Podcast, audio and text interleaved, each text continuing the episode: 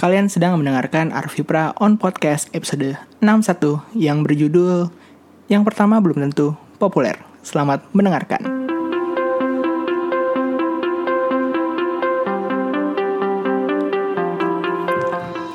Halo semuanya, gila. Ini gue sempet kayak males, males bukan males rekaman sebenarnya kayak kayak eh besok udah selesai lagi ya, berarti udah harus ada harus rekaman itu soalnya kan yang episode minggu kemarin kan yang bareng Dion kan sebenarnya rekamannya udah uh, weekendnya gitu. Jadi pas waktu sebelum Selasa tuh gue tinggal edit dikit terus publish itu post gitu. Sedangkan ini kan kayak oh ini gue belum rekaman sama sekali. Jadi uh, ya kadang-kadang uh, kalau misalkan suatu habit terus di di apa ya di patahin gitu ya di di ah diliburin dulu terus itu kayak bisa ngancurin si pacingnya gitu loh jadi kayak ke bawah malesan apa nah, tapi ya uh, ini gue udah rekaman buat kalian-kalian yang mendengarkan Arfi Pra on podcast. Asik. Jadi kayaknya banyak banget ya orang-orang yang baru subscribe baru follow baru mendengarkan. Kayak contohnya ini uh, kemarin ada yang uh, DM gue di Instagram namanya Kiki. Dia nemuin podcast ini iseng gitu nyari podcast di Indonesia katanya. Terus kan nemunya podcast gue terus alhamdulillah dia suka ya. Uh, thank you ya Ki uh, udah dengerin gitu kan. Kalau misal ternyata ada gue ada miss ada apa ada salah atau apa segala macem langsung ini aja komentarin aja. Santai kok gue mah. Yang lain juga kalau misalkan apa namanya mau kirim-kirim pesan uh, testimoni saran kritik bisa melalui sosial media Arfi Podcast di Instagram, Facebook, Twitter, terus lain official account juga ada. Uh, kalian mau request yang malah request topik juga boleh silahkan. Mau ngapa-ngapain mau say hi atau apalah. Ya santai sih gue juga uh, nerima-nerima aja gitu seperti itu. Dan buat yang baru banget dengerin ini uh, selamat datang selamat mendengarkan. Semoga konten-konten yang gue kasih memang merepresentasikan apa yang kalian cari di podcast ini. Kalau misalkan uh, kalian cek di SoundCloud kok cuman episodenya episode yang terbaru aja sih yang lama bisa didengerin lagi nggak? Jawabannya bisa bisa banget. Kalian tinggal subscribe aja atau ya subscribe di iTunes atau kalian in, install aplikasi podcast apa pun di Android. Ada banyak tuh ada Pocket Cast ada Castbox ada Podcast Republic ada apa lagi? Banyak lah pokoknya Nah itu terus kalian cari Arvi Brown Podcast. Nah itu semua episode dari yang pertama sampai yang terbaru ada di situ bisa download, bisa didengerin, bisa di stream. Uh, kalau mau dihapus juga silahkan itu dan segala macam kayak gitu. Jadi uh, selamat datang. Semoga apa yang kalian cari benar-benar terrepresentasikan di podcast ini. Oke, sebelum masuk ke pembahasan, uh, masuk ke berita-berita dulu kali ya. Jadi nanti tanggal 22 Februari 2018 jam 11 AM 11 pagi ya menjelang siang. Itu akan ada flash sale dari Xiaomi uh, yaitu flash sale Redmi 5 dan Redmi 5 Plus. Untuk rinciannya jadi Redmi 5 yang versi RAM 2GB storage 16GB ada di jd.id untuk Redmi 5 dengan opsi RAM 3GB dengan storage 32GB itu di Lazada. Dan semua varian Redmi 5 Plus baik itu yang versi 332 atau versi 464 itu akan uh, ada di flash sale Lazada, Shopee dan JD.id bersamaan jam 11 seperti itu. Dan kemungkinan besar juga sudah ada unitnya di mm, Mi Official Store ya. Uh, bisa kalian cek di Pondok Indah Mall di Sumarekon Bekasi. Terus di mana lagi sih? Gue lupa. Pokoknya itulah yang Mi Authorized Mi Store. Kalau nggak salah juga uh, waktu gue dulu beli Mi Ewan tuh sempat ada bisa pre-order di toko tersebut. Jadi nggak perlu rebutan flash sale nggak perlu rebutan ngantri di hari H. Uh, cukup bayar DP dulu sih gue Mi Ewan tuh bayar DP-nya 500 ribu terus dilunasin di hari H. Nggak tahu kalau sekarang.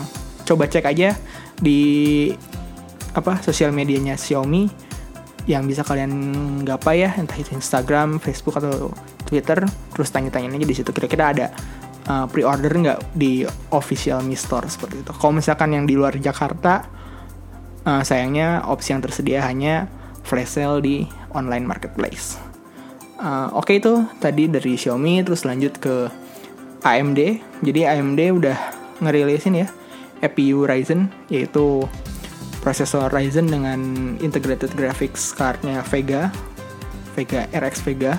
Uh, sudah gue sih gue sih ngecek sih udah bisa dibeli udah bisa dilihat di toko-toko komputer langganan kalian yang yang udah gue survei sih untuk Ryzen 5 2500G itu ada harganya tuh di sekitar dua setengah jutaan dan Ryzen 3 2200G di satu setengah jutaan dari artikel Jagat Review itu mereka nyaranin kalau misalnya kalian pakai setup Ryzen APU ini, Ryzen 2500G atau 2200G, itu disaranin menggunakan uh, RAM dual channel dibandingkan single channel karena penurunan performa ke single channel mencapai 50%-nya lah dibandingkan pakai RAM dual channel. Jadi kayak kalian mendingan pakai RAM uh, 2 kali 4 GB jadi ya 8 GB dibandingkan cuma pakai satu RAM doang 8 GB itu mendingan dua sama satu karena ngaruh di bandwidthnya. Bandwidth dua channel lebih gede daripada bandwidth single channel. Dan mempengaruhi si uh, integrated graphics Vega RX Vega nya seperti itu. Terus juga Nokia 8 juga udah bisa kalian beli di Lazada. Gue sih terakhir ngecek uh, harganya masih harga promo 5,9 juta. Ini cukup oke okay banget ya untuk harganya karena bisa dibilang ini uh, flagship termurah secara resmi yang bisa kalian beli gitu. dengan prosesor eh, sistem on chip Snapdragon 835, RAM 4, storage 64 GB dan yang lainnya gue sih tertariknya gara-gara dia pakai stok Android sih jadi uh, kayaknya kemungkinan kalau misalkan nggak Nokia 6 2018 mungkin gue larinya ke Nokia 8 tapi nggak tahu kita lihat nanti aja. Oke itu berita untuk minggu ini. Kita masuk ke pembahasan. Jadi gini guys. Asik. Gue tuh bikin ini bukan untuk membela brand tertentu bukan untuk menjelek-jelekan produk orang lain. Tapi bahasan ini gue bikin agar semoga agar semoga tidak ada kesalahpahaman yang beredar ya minimal di obrolan kalian sehari-hari lah ke teman-teman kalian seperti itu. Ini cukup sok iya banget ya mulainya ya. Tinggal di videoin terus gue pasang muka sedih terus kasih thumbnail dengan tulisan gede maaf gitu atau klarifikasi. Oke oke, uh, santai aja sih karena podcast ini belum jadi brand ambassador suatu produk tertentu jadi ya gue masih punya kendali untuk menentukan dan mengendalikan tema sih. Jadi gue kepikiran-pikiran episode ini tuh karena mendengar dan melihat beberapa orang punya statement kayak gini. Ah brand itu mah fitur-fiturnya ngikutin si brand I, brand ini itu brand brand B gitu kan. Terus atau enggak iyalah uh, brand ini mah udah lebih dulu kali punya fitur begini daripada brand tersebut itu seperti itu ya. Ya mungkin kalian sudah menduga-duga lah brand apa yang dimaksud di kalimat tersebut apa. Ya gue coba sebut aja ya. Jadi itu sebenarnya banyak nyinyiran ke produk-produknya Apple gitu ya. Ya gue nggak tahu emang circle gue yang emang pada Apple haters atau gimana. Cuma ya komentar-komentar seperti itu memang sering gitu gue lihat dan gue denger gitu seperti itu. Terutama pas waktu gue baca ini koran Kompas yang cetak yang terbit hari Rabu tanggal 3 Januari 2018 di halaman 9 di kolom klasika di paragraf kelima uh, pada kalimat pertama disebutkan dalam tanda kutip sebut saja fitur layar bingkai minim dalam kurung bezel-less yang dipopulerkan oleh Apple iPhone. Nah, di situ banyak yang mempertanyakan alasan penulis mencantumkan kalimat tersebut gitu. Banyak yang komentar seperti contohnya uh, dalam tanda, tanda kutip, kirain berita politik sama bisnis aja yang dibuat hoax. Teknologi pun juga kena gitu. Atau enggak komentar seperti ah saya yang kurang baca berita apa dia yang tidak tahu teknologi yang update gitu tanda tanya seperti itu.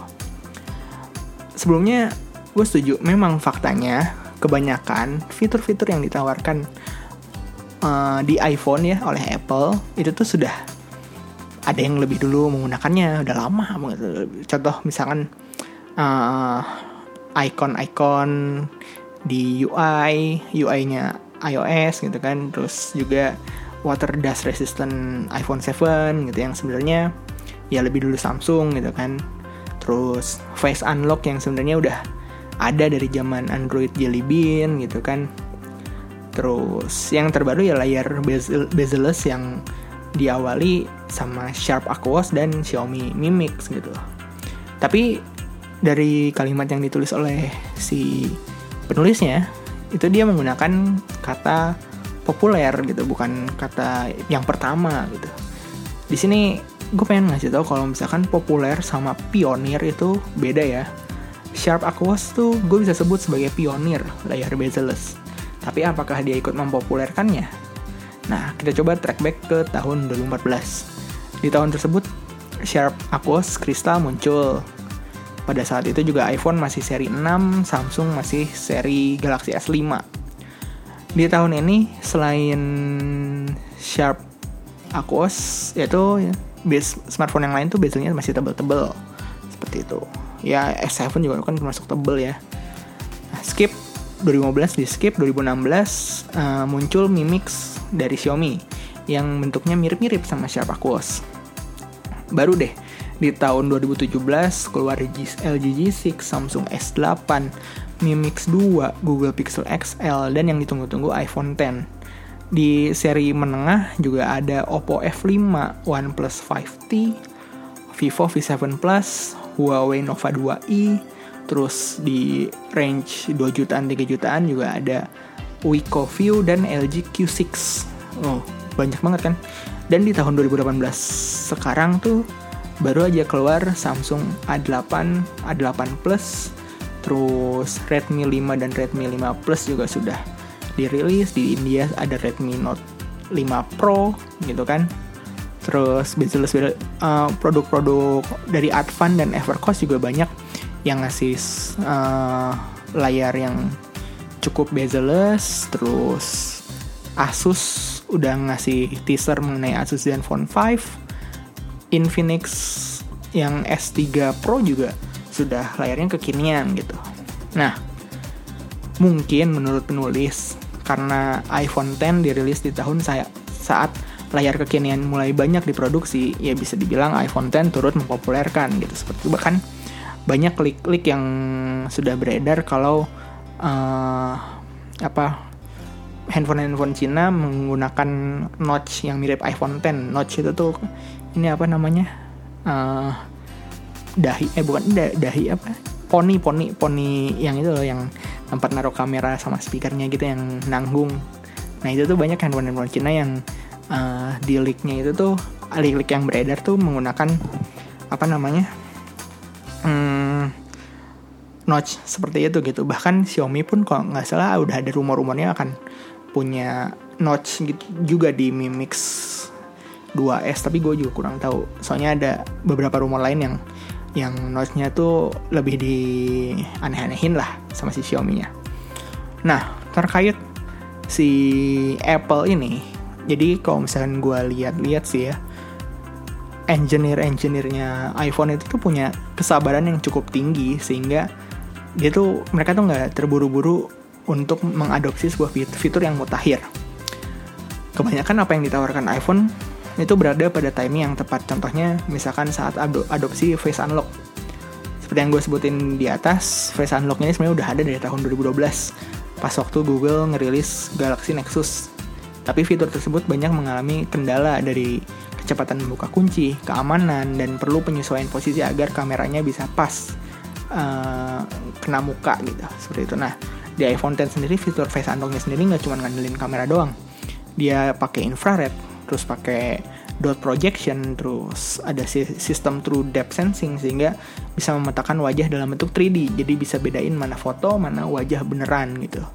Sampai saat ini belum ada yang se-advance ini dalam teknologi face unlock rata-rata ya cuma ngandelin kamera depan aja untuk mengambil gambar wajah gitu seperti itu. Nah, dari sini gue bisa ber, memberikan pendapat bahwa walaupun fitur yang ditawarkan iPhone itu sudah ada di device lain, tapi pengalaman penggunaannya bisa jadi berbeda dan bahkan bisa lebih nyaman. Dan apa ya? Ya contohnya kayak hmm, itu tadi ya apa face unlock tadi, terus uh, fingerprint sensor tuh waktu awal-awal tuh di Samsung Galaxy S5 itu jelek banget. Harus di swipe ke bawah. Kalau misalnya kalian pernah ngerasain atau punya teman kalian itu tuh ngebukanya tuh harus nge ke bawah dan itu tuh sering gagal. Dan dan fingerprint yang kayak di cuman di tap doang itu tuh baru di iPhone 5s menurut setahu gue ya kok salah benerin tolong benerin. Kayak gitu. Jadi kayak uh, si apa yang teknologi yang ditawarkan Apple itu tuh pasti melihat uh, dari sisi manusiawinya lah nggak nggak nggak melulu kecanggihannya gitu. Jadi kayak apakah oh, oh apa kau walaupun ini mutakhir apakah ini nyaman digunakan atau enggak seperti itu. Bahkan kayak contohnya yang yang apa yang paling uh, menggegerkan kan nggak adanya si apa iPhone apa? Ya iPhone. Jack tiga setengah buat headset itu kan di iPhone 7 ke atas. Dan gue lihat di perkembangan audio Bluetooth sih mas sekarang makin bagus makin bagus makin bagus. Walaupun nggak belum mendekati uh, ke kemantepan headset kabel ya headphone kabel apalagi yang mahal-mahal. Cuman ya itu tadi sih uh, mungkin memang uh, Apple rencananya ke depan akan mencoba mewirelesskan diri dari headset terus charging juga di iPhone 8 udah bisa wireless yang kita lihat lah selain yang tadi sih menurut gue yang sampai sekarang masih menjadi fitur khusus andalan Apple yang nggak dimiliki oleh semua orang ya 3D Touch-nya itu yang dikenalin di iPhone 6s. Nah buat yang belum tahu 3D Touch ini tuh jadi fitur seakan-akan membuat panel touchscreen di iPhone itu tuh punya kedalaman gitu. Jadi kayak beda tekanan yang diberikan ke iPhone tuh beda juga action yang dihasilkan gitu. Ya banyak teman-teman yang pakai Android terutama yang udah di Nougat itu pamer-pamer eh ini Nougat bisa 3D touch keren ya nggak usah mahal-mahal beli iPhone nah yang disediakan di Nougat itu namanya shortcut jadi kalau kita tekan dan tahan icon di home screen atau di app drawer nanti akan muncul shortcut kayak di iPhone kalau misalnya kita pakai 3D touch masalahnya 3D, 3D touch itu nggak sepele cuman munculin shortcut di icon doang gitu. Dia juga bisa apa ya kayak uh, contoh yang paling oke nya sih yang paling gue rasain itu kayak misalkan lu nge nge-slider si fast forward atau rewind film itu bisa bisa tahu apa semakin lu dalam nekannya tuh semakin cepet dia apa fast forward atau rewindnya gitu kan dibandingkan lu nekannya biasa aja. Dan kayak gitulah. Jadi kayak nambah menambah kedalaman dalam menggunakan iPhone ya jadi nggak cuma software doang gitu, seperti itu. Ya sebenarnya sih gue ngomong panjang lebar dari tadi juga sebenarnya nggak guna juga ya. Yang kekeh akan tetap kekeh.